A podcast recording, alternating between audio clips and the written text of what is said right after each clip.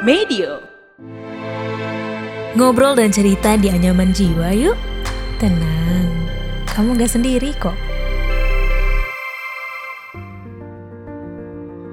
Eh, gue mau nanya dong. Kalau dikasih hadiah atau beli barang yang udah lo impi-impiin, pasti lo seneng banget kan? Dan mau jaga itu semua baik-baik, ya kan? Soalnya menurut gue, benda itu kan bentuk rasa sayang orang-orang buat lo. Makanya jadi gak tega deh buat ngebuang. Tapi gimana jadinya? Kalau kebiasaan itu malah berubah jadi sesuatu yang gak baik.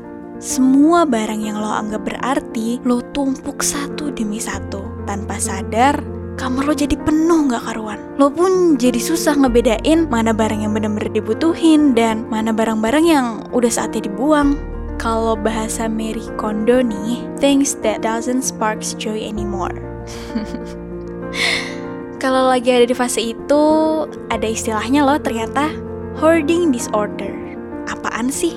Kondisi ini terjadi ketika lo ngerasa susah banget buat ngerelain barang-barang sampai lo rela numpuk semua itu biar nggak merasa kehilangan. So, hoarder itu beda ya sama kolektor. Biasanya sih hoarding disorder muncul karena ada perasaan trauma yang mendalam. Misalnya, lo pernah ditinggal sama orang-orang yang berarti di hidup lo. Jadi, lo berusaha untuk ngejaga hal-hal yang masih tersisa supaya lo gak ngerasa kehilangan untuk kedua kalinya. Gue paham, pasti rasanya berat kan buat ngerelain semuanya pergi, tapi udah saatnya lo pelan-pelan belajar nerima rasa kehilangan. Karena kenyataannya, hal-hal itu terjadi di luar kendali lo. Dan lo gak bisa terus-terusan berpaku ke masa lalu. Terus, caranya gimana? Caranya, mulai pelan-pelan misahin barang-barang yang udah saatnya lo buang sedikit demi sedikit. Fokus dulu ke yang udah rusak. Terus next week, pindah ke barang-barang yang gak pernah lo sentuh selama 3-6 bulan. Kenapa? Karena, ya artinya lo gak butuh-butuh amat. Lo bisa donasiin itu ke orang yang lebih membutuhkan. Hoarding itu sebetulnya indikasi kita suka menunda atau menghindari hal yang tidak mengenakan.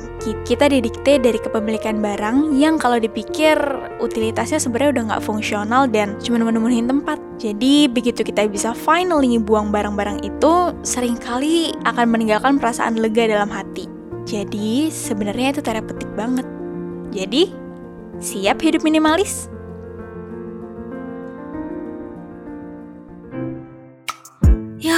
Udah selesai episode kali ini.